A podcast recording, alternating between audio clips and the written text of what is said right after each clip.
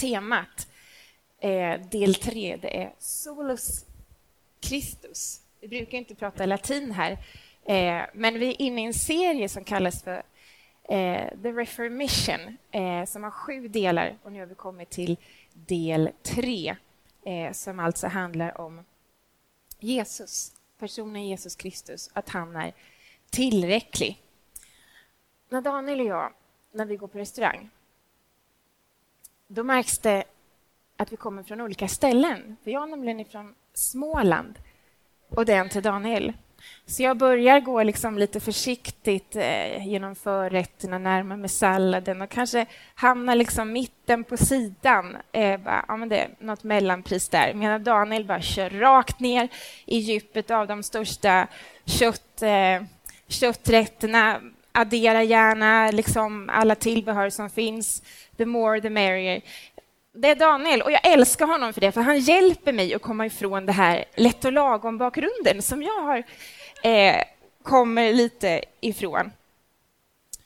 Och varför vill man ha en plusmeny? Varför vill man ha det där extra?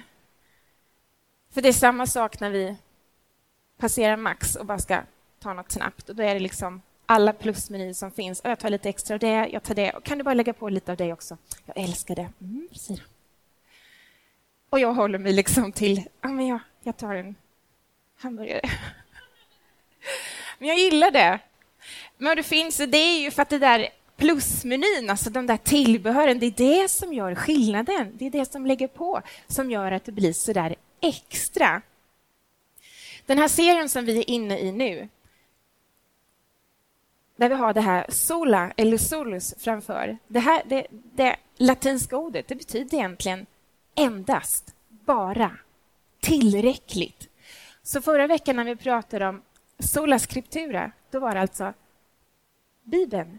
Det är nog. Det är allt vi behöver. Det är tillräckligt för att vi ska kunna greppa och se och förstå Guds tanke med det bästa för oss. Eh, det vill säga, det behövs inga plusmenyer. Och nu när vi tittar på Solos eh, Kristus så är det, det behövs inga plusmenyer.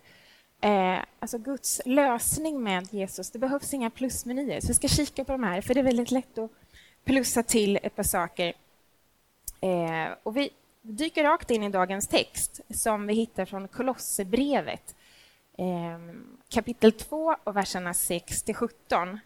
Och det här Kolosserbrevet kallas för det kristologiska mästerverket. För när Paulus han satt och skrev det här när, han satt i fängelse i Rom, första gången han satt i fängelse där. Då skrev han det till, dem, till den församling som låg i den här staden Kolosse. Och då visste han att det här måste jag poängtera. Han visste att det mest förödande som kunde hända för, dem, för den här kyrkan, det var att de bara missade poängen, började lägga till massa extra saker och, och kom ifrån kärnan, kom ifrån rötterna av det som var tanken alltså med evangeliet. Vi läser. Liksom ni tog emot Kristus Jesus som Herren, så lev i honom och låt er rotas och uppbyggas i honom och befästas i tron i enlighet med den undervisning ni fått och överflöda i tacksägelse och se till att ingen rövar bort er med sin tomma och bedrägliga filosofi byggd på mänskliga traditioner och stadgar och inte på Kristus. För i honom bor gudomens hela fullhet i kroppslig gestalt. Och i honom är ni uppfyllda, han som är huvudet över alla makter och väldigheter. I honom blir ni också omskurna, inte med människohand, utan med Kristi omskärelse. Det är lite svåra ord här, det är lite, det är lite kargt, men ni är med mig eller? Ja. Då ni avkläddes er syndiga natur och begravdes med honom och genom dopet i dopet blev ni också uppväckta med honom genom tron på Guds kraft, han som har uppväckt honom från de döda. Ni som var döda på grund av era överträdelser och er oomskurna natur, också er har han gjort levande med Kristus. Han har förlåtit oss alla överträdelser och strukit ut det skuldebrev som med sina krav vittnade mot oss. Det har han tagit bort genom att spika fast det på korset och han har klätt av välderna och makterna och förevisat dem offentligt när han på korset triumferade över dem.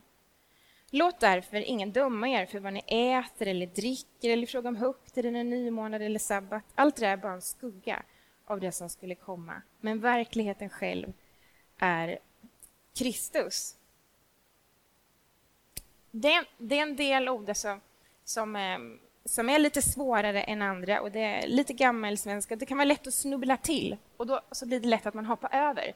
Och så missar man allt det där viktiga som var själva poängen. Så det är därför jag vill att vi ska, vi ska gräva lite, vi ska ta ner spaden lite så vi greppar det. Vad är det? Varför är det så viktigt? Varför poängterar Paulus det här? Varför, var, varför är det så viktigt att vi får tag på det här?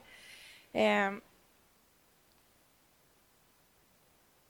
Och själva poängen är att Jesus Kristus, han är inte bara nödvändig, utan han är tillräckligt. Han är liksom det enda vi behöver. Eh, den första frågan som jag vill eh, ställa det är väl egentligen vad är det viktigaste för oss att känna till om Jesus? Alltså vad är, vad är den största frågan? Vad är det viktigaste? Eh, och, eh, det var en tysk teolog som jag inte kan riktigt uttala efternamnet på. Eh, jag skulle frågat dig, Julia, innan. Det kommer mycket gott från Tyskland. Philip Melanchthon och Julia Davidsson. Eh, men det här var Martin Luthers närmsta medarbetare. Han sa så här. Att lära känna Kristus är att lära känna hans välgärningar, alltså allt gott som han har gjort och inte grubbla över hans dubbla natur. Alltså, både människa, både Gud, eh, jag fattar inte riktigt. Eller inkarnation, hur gick det till? För om du inte vet varför Kristus blev människa och spikades fast på korset, vad gott kommer det göra dig då? Alltså, på något vis, man måste förstå det, man måste bara aha, så att man kan ta till sig av det. Det är då som, man kan, som det händer någonting. Och vi dyker in i första punkten som är Solos Kristus, Guds son. Och det här är en slags... Det har alltid varit en laddad fråga. Var Jesus, alltså vem var han? Var han Guds son eller var han en profet? Var han, alltså, Uppenbarligen var han en väldigt klok, alltså stor filosof. Vi hörde en hel radda av alla fantastiska eh, alltså, beskrivningar vi fick här innan på, på videon. Alltså, han gjorde så enormt mycket gott. Men på något sätt, om det ändå bara var så att han var en otroligt stor filosof, en enormt god människa som gjorde väldigt mycket gott. På något vis så påverkade det ändå inte oss väldigt mycket. För han är ändå liksom, det var 2000 år sedan, då är han ju död. Det påverkar inte oss så mycket idag. Men om det nu är så att han faktiskt var Guds son, då har allt plötsligt en effekt på dig och mig, vare sig vi tror eller inte. Så det är där det hänger. Om vi kikar i eh, första versen, eh, eller vers 9 där i, eh, som vi läste, Kolosserbrevet 2.9. För i honom bor gudomens hela fullhet i kroppslig gestalt. Vad betyder det på ren svenska? Ja, alltså Gud kom ner i mänsklig kropp. Jag gillar den amerikanska översättningen, Message Bible, den tycker jag om att, att läsa. Den uttrycker det så bra. Den säger det så här. Jesus kom till jorden och han flyttar in i kvarteret där vi bor. Gud kom ner till jorden och han bara levde på våra villkor. Han bara tog på sig våra skor och levde som oss, på samma villkor. Alltså han var 100 procent människa och samtidigt så var han 100 procent Gud.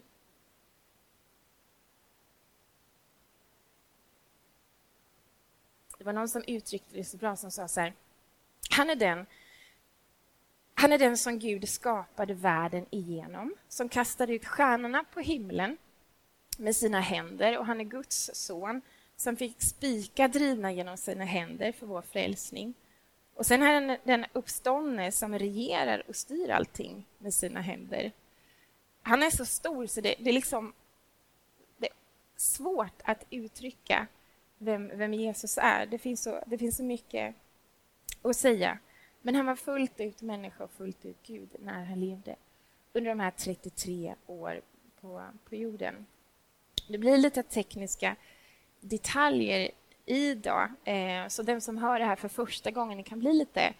Det är som att äta när man har varit vegan ett tag och så ska man sätta i en sån här riktig stek. Det, liksom, det behöver smältas, man får idissla, man får ta liksom en liten tugga i taget. Men jag ska göra det bästa. För jag vill att ni ska... Fast får man väl i sig det här och idissla och bara... Det blir så gött alltså i magen och det bara... Det ger sån nytta till hela systemet.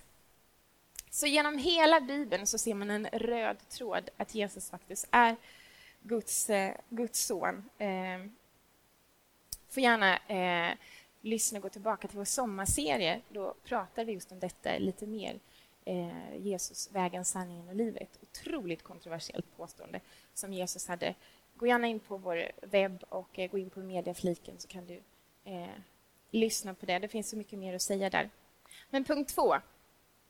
För han var ju faktiskt inte bara Guds son utan Solos Kristus är livräddaren. För det var ju alltså det stora uppdraget. Han kom ju för att rädda liv. Han kom ju för att göra ett skifte i hela den mänskliga historien. Och någon har beskrivit själva frälsningen, ett, alltså den här räddningen. Det stora i det var att Gud gör för oss människor vad vi inte kan göra för oss själva.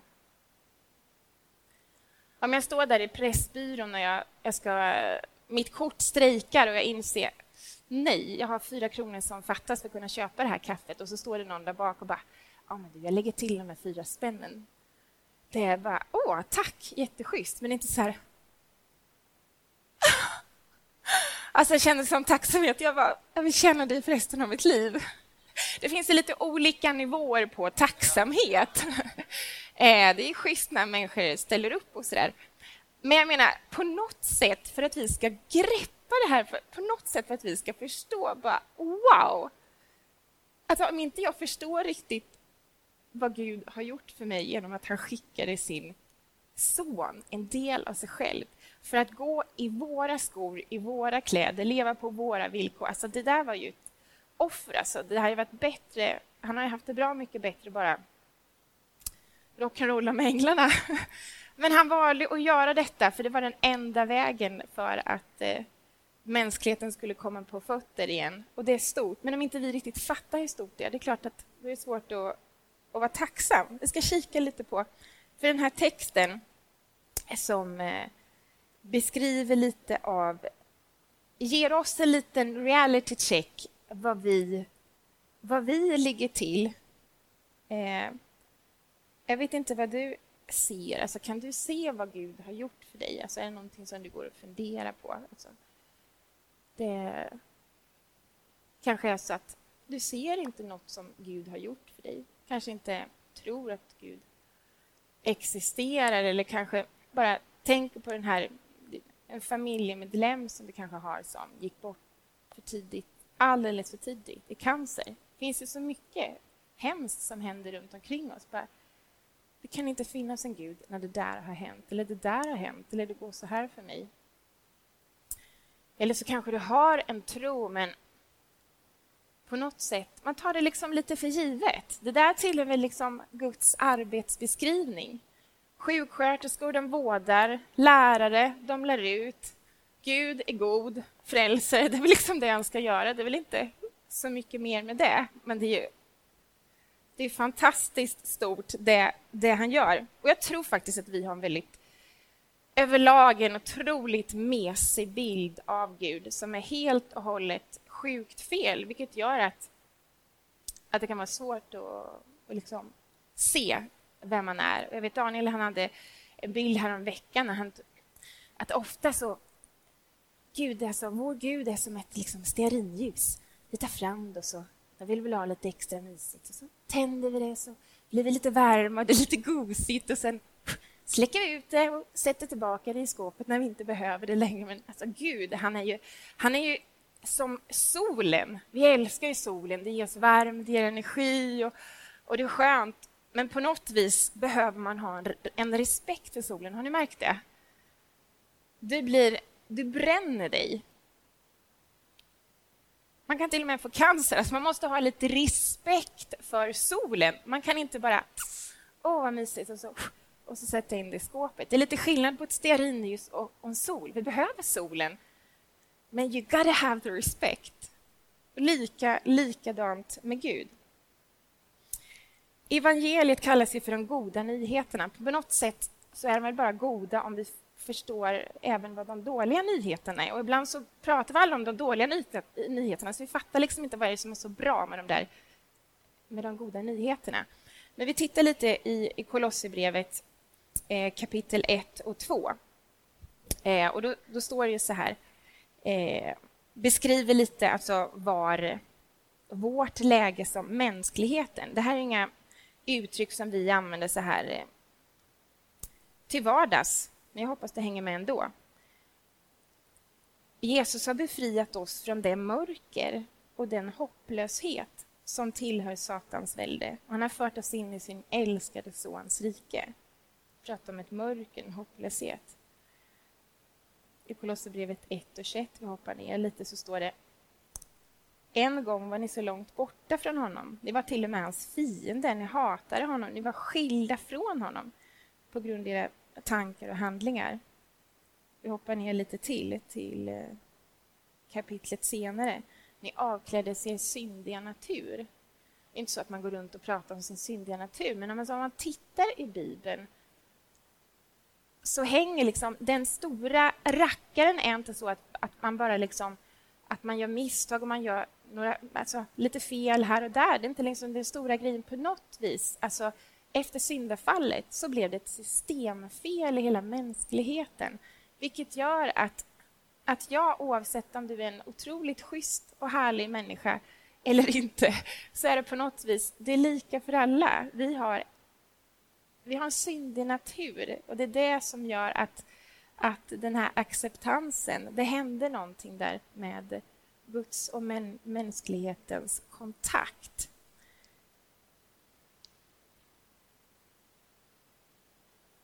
Och på något vis, även om det här är svårt att ta till sig eller inte så, det räcker väl att man öppnar dagstidningen eller man, man eh, kollar Facebook. Det är ändå så liksom, att det finns något rubbat i systemet som gör att världen är inte riktigt vad det var tänkt att det skulle vara. Liksom, allt är inte perfekt, har ni märkt det? Det är inte liksom härligt överallt. Det finns mycket skit. Eh, och det finns mycket Eh, det är väldigt stor skillnad från själva ursprungstanken med, eh, med jorden och med, eh, när man läser om hur Gud beskriver skapelsen och liksom det vackra som det var tänkt att det skulle vara. Det är så stor skillnad. Och Bibeln skriver att anledningen till detta är att vi bara liksom naturligt efter syndafallet så vi bara Alltså, vi föredrar ju inte Gud. Det är inte så att man naturligt längtar efter Gud. Eller bara, alltså det, det, finns någonting i oss. Man, bara, man längtar efter något annat. Man vill fylla sina behov på andra sätt. Alltså det, är, det är inte så att det kommer av sig självt. Alltså det fanns inte... Eh, det här systemfelet som jag berättar om, som fanns, som kom efter syndafallet, det, det gjorde att... Alltså man, man längtar efter andra saker. Man längtar inte efter Gud. Och mänskligheten bara kom längre och längre bort från Gud. Eh, och det är det här systemfelet som människan behövde frälsning, räddning ifrån.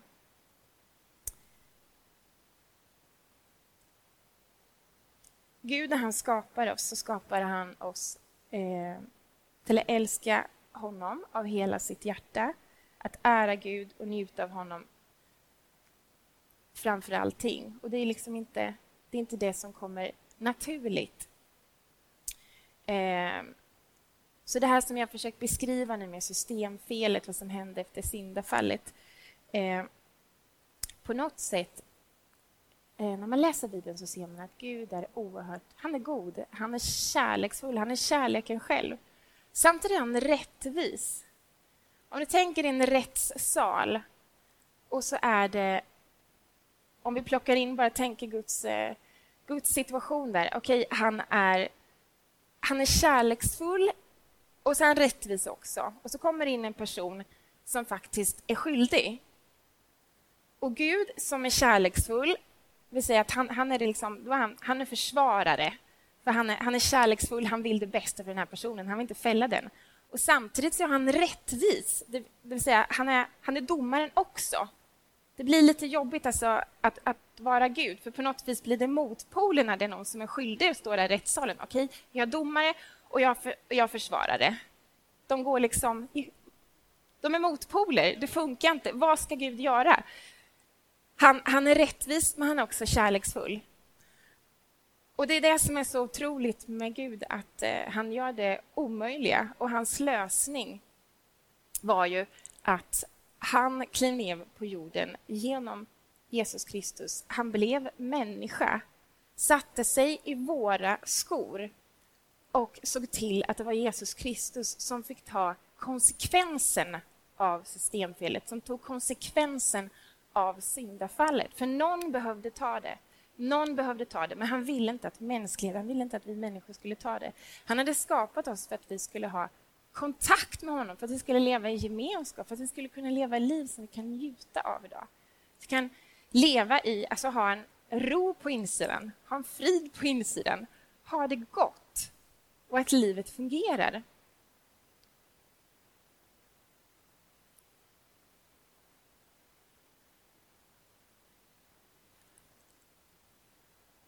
Vi dyrkar ändå frihet.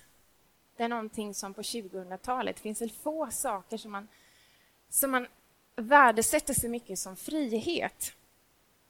Och ändå finns den här rastlösheten där som gnager. Och Augustinus, som kanske var fornkyrkans mest betydelsefulla teolog inom väst, eh, han sa så här. Gud, dina är vi, för du har gjort oss för dig själv och våra hjärtan är rastlösa tills vi finner ro hos dig. Och jag tror det ligger så mycket i det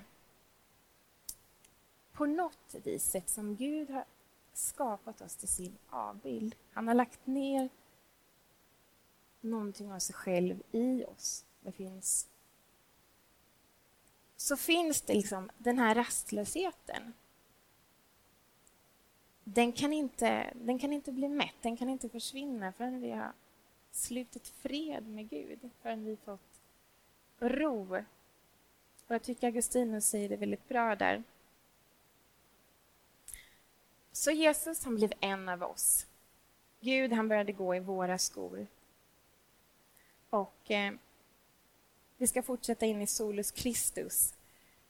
För han ger oss nytt liv. Vad innebär det? Nytt liv och nya begär. Vi hoppar till Kolosserbrevet 2.13. Och då står det så här. Ni som var döda på grund av era överträdelser, också er har han gjort levande med Kristus. Vad betyder det?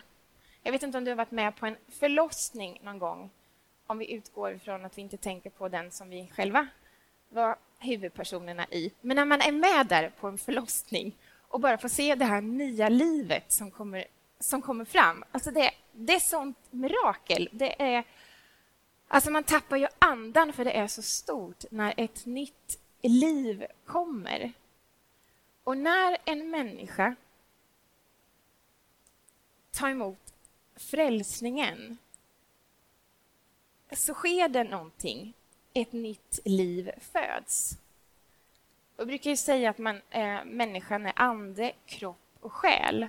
Och jag är helt säker på att när Gud tänder det här nya livet och en människa blir född på nytt så påverkas alltså alla lager i livet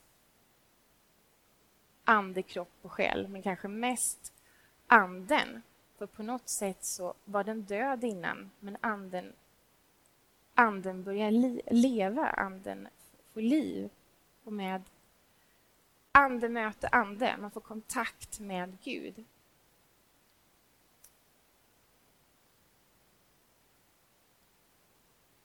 Och Luther, jag tycker han, han ville beskriva det här med ett slags eh, skifte. Han kallar det ja, det, stora, det stora skiftet. För på något sätt är det som att Gud ger av sitt bästa och så kan vi ge Alltså av hans, alla hans styrkor som han har kan vi få del av genom frälsningen, genom räddningen.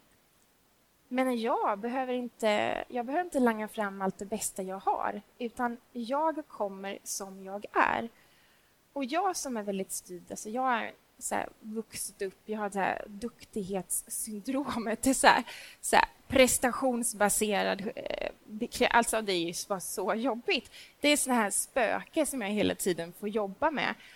Eh, och för mig, att, att leva och ha en gemenskap med Gud, alltså han, han får hjälpa mig varje vecka och bara släppa taget om mina tillkortakommanden och även mina, mina styrkor. För jag vill så gärna hjälpa Gud på vägen. Jag vill så gärna tänka att liksom, om jag bara presterar det här, om jag bara gör det här. För att, alltså, egentligen så tycker jag att de goda nyheterna, det är liksom lite bra för att vara sant. Så jag vill gärna hjälpa till så jag känner att jag förtjänar det. Jag vet inte hur du är liksom, när, någon blir, när du blir hembjud eller när du får en stor fet present av någon som bara liksom av ingen anledning. Jag hoppas du inte känner att ja, men nu måste jag ju liksom köpa något tillbaka här. Nu vart det ju lite jobbigt.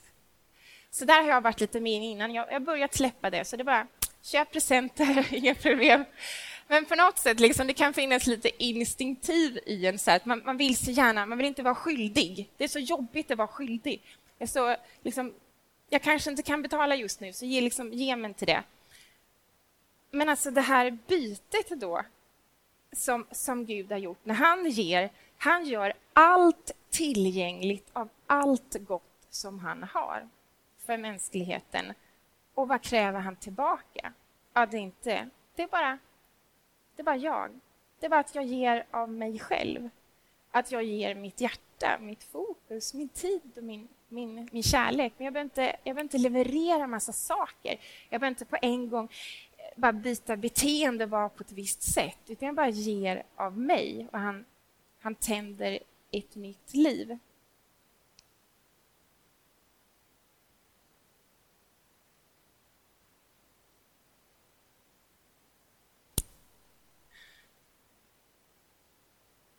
Vi hoppar in i rättssalen igen. Vi var där lite eh, när jag pratade där om, om, om Gud som rättvis och kärleksfull. Vi har alla hört det här att, att Jesus förlåter synder. Han är en förlåtande, han är en förlåtande Gud och det är fantastiskt att få förlåtelse. Vad betyder det här ordet, alltså att få förlåtelse? Det är på något sätt, alltså om vi tittar i jag vet inte hur ofta det sker i en rättssal, att man blir förlåten. Okej, du är skyldig, men vi bara, vi bara skippar det här. Jag vet inte hur jätte ofta det sker. Liksom. Du är skyldig mig ditt brott, räknas inte. Men på något sätt, det Jesus gör tillgängligt för oss människor, det är inte bara att vi blir förlåtna, utan vi blir även frikända. Vad ligger i det ordet då? Alltså det är en det är en strikt juridisk term. Det betyder ju att jag står där i rättssalen, jag blir prövad och bara... Nej. Vi hittar inga bevis. Du är, du är oskyldig. Du får gå. Bli helt frikänd. Så det, det är väldigt stor skillnad där. Okej, du är skyldig, men eh, ja, du får gå. Det är lugnt, liksom. Du är förlåten. Men när Jesus ser på dig och mig. Då är det inte bara, okej, okay, jag förlåter. Liksom. Vi glömmer det som har varit eller bara, jag ser inte på det, dig på det sättet, liksom, som, alltså med det här systemfelet som mänskligheten finns, utan bara man får ett nytt liv. Det finns ingenting som skiljer åt där. Men på ett sätt så går han ett steg till. Frikänd, det betyder att, alltså att okej, okay, jag är inte skyldig. Det finns ingenting som finns i mig som liksom Gud ens liksom vill peta på. bara, det där är fel. Alltså det finns inte någonting sånt i, i, eh, i, för, i, i förhållandet. Och säg inte till mig att inte Guds kärlek behövs. Säg inte till mig att människor inte behöver Jesus. Jag tycker det det är svårt att beskriva. Någon, den, den person som, som jag faktiskt älskar mest av allt och som miljarder människor på jorden tillber och älskar. Jag tycker det är enormt svårt att göra Jesus Kristus rättvisa och stå här under 35 minuter och prata med er om det. Det är en hjärtesak, det är det dyrbaraste jag har. Eh, och det är ett stort ansvar. Men jag hoppas med den här enkla beskrivningen att ni ska få med er någonting. För Guds kärlek är så enormt stor för mänskligheten. Och idag, så, som i Sverige, är liksom det utsuddat. Man pratar inte om andlighet på det sättet eller att man pratar om kristen tro. Liksom. Det är mer okej att jag klär av mig naken och någon, någon står och fotar mig än att jag säger att jag tror att Jesus är Guds son. Jag tror att han är vägen, sanningen och livet. Det är mer provokativt än att jag bara klär av mig naken. Det tycker jag är sjukt.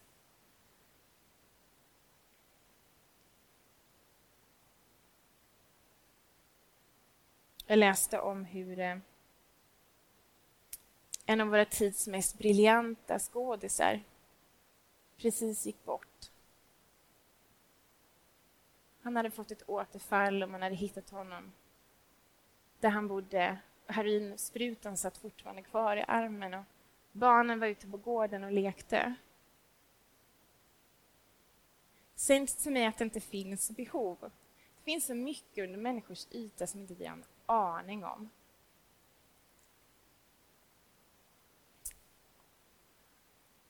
Och min största utmaning som, som troende det är att bara, wow, det här vill jag dela med mig för alla, men samtidigt så... Det är stort och det är svårt att sätta ord på det.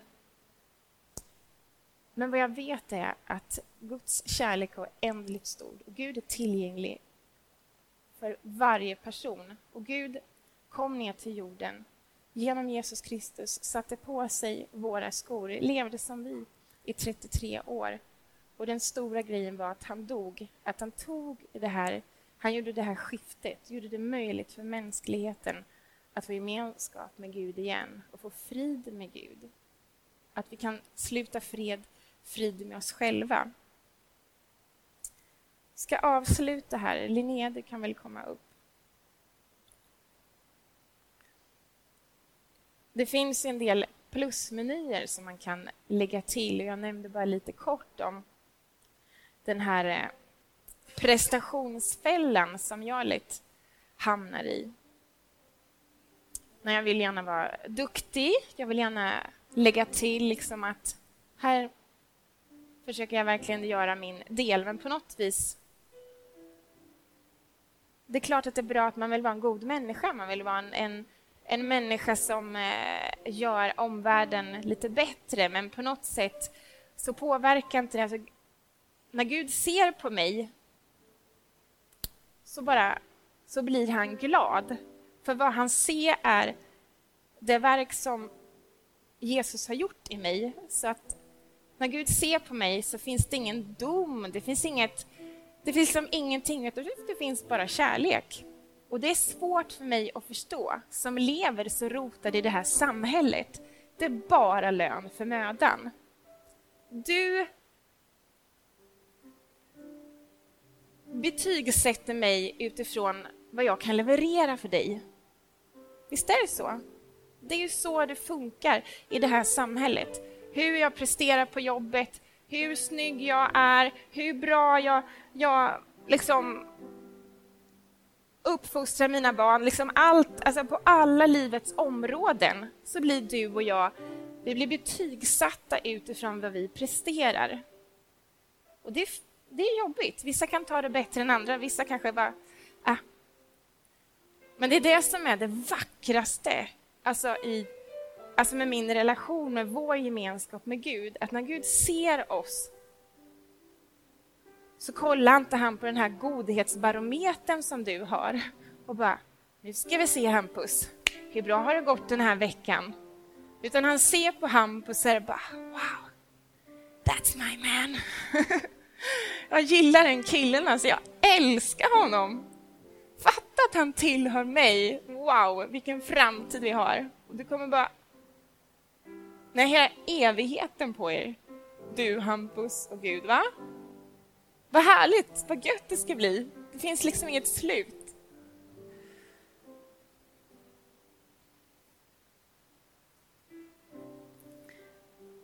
Eller den här moralfällan.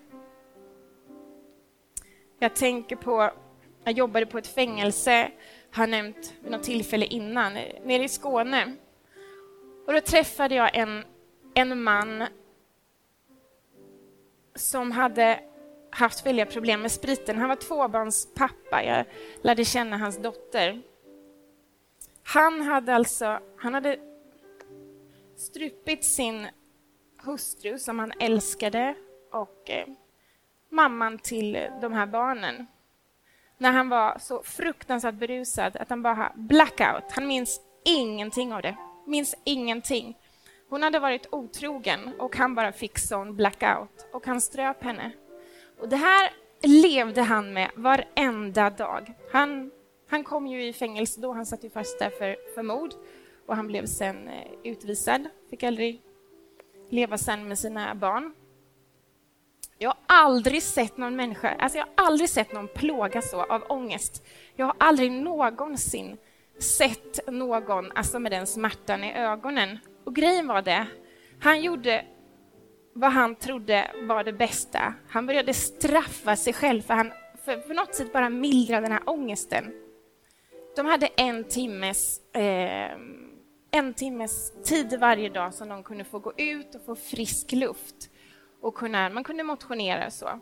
Den här pappan, när jag träffade honom, då hade inte han varit ute på ett och ett halvt år. Han hade inte varit ute i dagsljuset. Han ville inte stå där. Han tyckte inte, han var inte värd att solen skulle skina på honom. Han var inte värd att, att känna den friska luften och känna den liksom mot huden. Han var inte värd det. För att det han såg på sig själv, det han hade gjort, att han hade, han hade tagit livet av den fru som han älskade, hans, hans ungdomskärlek, och han hade släckt livet på barnens mamma. Och det skulle han alltid få leva med. Han försökte vad han kunde för att liksom utplåna den här ångesten. Och det är ett väldigt extremt exempel, men vi har ju alla våra saker som vi vill liksom lägga till och försöka för att liksom mildra, om det inte är ångest, det kan vara någonting annat, men bara liksom för att jag försöker fixa det här på egen hand. Men det fanns ingen chans att han kunde få frid med sig själv eller få frid med Gud på det sättet. Jesus han är tillräcklig. Och det plågar mig att inte jag, jag fick inte säga någonting om min tro, men det plågar mig ändå att jag inte gjorde mer. För den här mannen, jag fick reda på genom hans dotter för två år sedan att han tog sitt liv sen. Och på något sätt bara, wow! Tänk om man hade förstått att Jesus är tillräcklig. Han hade inte behövt plåga sig så. Det är klart att han förändrade han förändrade någonting som aldrig gick. De kunde aldrig få tillbaka mamman, han kunde aldrig få tillbaka sin hustru. Men han hjälpte ju ingen med att släcka det liv som han hade. Jesus han är tillräcklig. Han är, han är allt som du och jag behöver. En vän till mig, hon sa, hon var, det var liksom livet bara varit lite för mycket som bara Linda, jag behöver bara lite mer yoga. Bara lite mer yoga varje vecka. Bara lite mer yoga. Alltså Jesus är tillräcklig. Yogan kan inte ge den inre ron som bara Jesus kan ge. Det här lite, lite bättre jobb så kommer jag bara få lite mer pengar, kommer ge oss lite, lite mer trygghet Eh, med ekonomin. Vi behöver det, så kommer det kännas lite, lite bättre. Men har ni märkt att när man väl kommer dit så är det liksom något nytt? Då är inte det bra, utan bara lite, lite, lite av det. Lite, lite, lite mer av det. Bara jag får alltså det är lite dödsar i vårt kärleksförhållande. Jag tror jag behöver en ny partner som kan tillfredsställa mig, för att alltså, jag får inte vad jag behöver. Och så står man där och så har man en ny partner så vart det inte så stor skillnad efter ett par månader. Den här rastlösheten som finns i den mänskliga naturen som inte kan finna ro förrän vi finner ron hos Gud genom Jesus Kristus.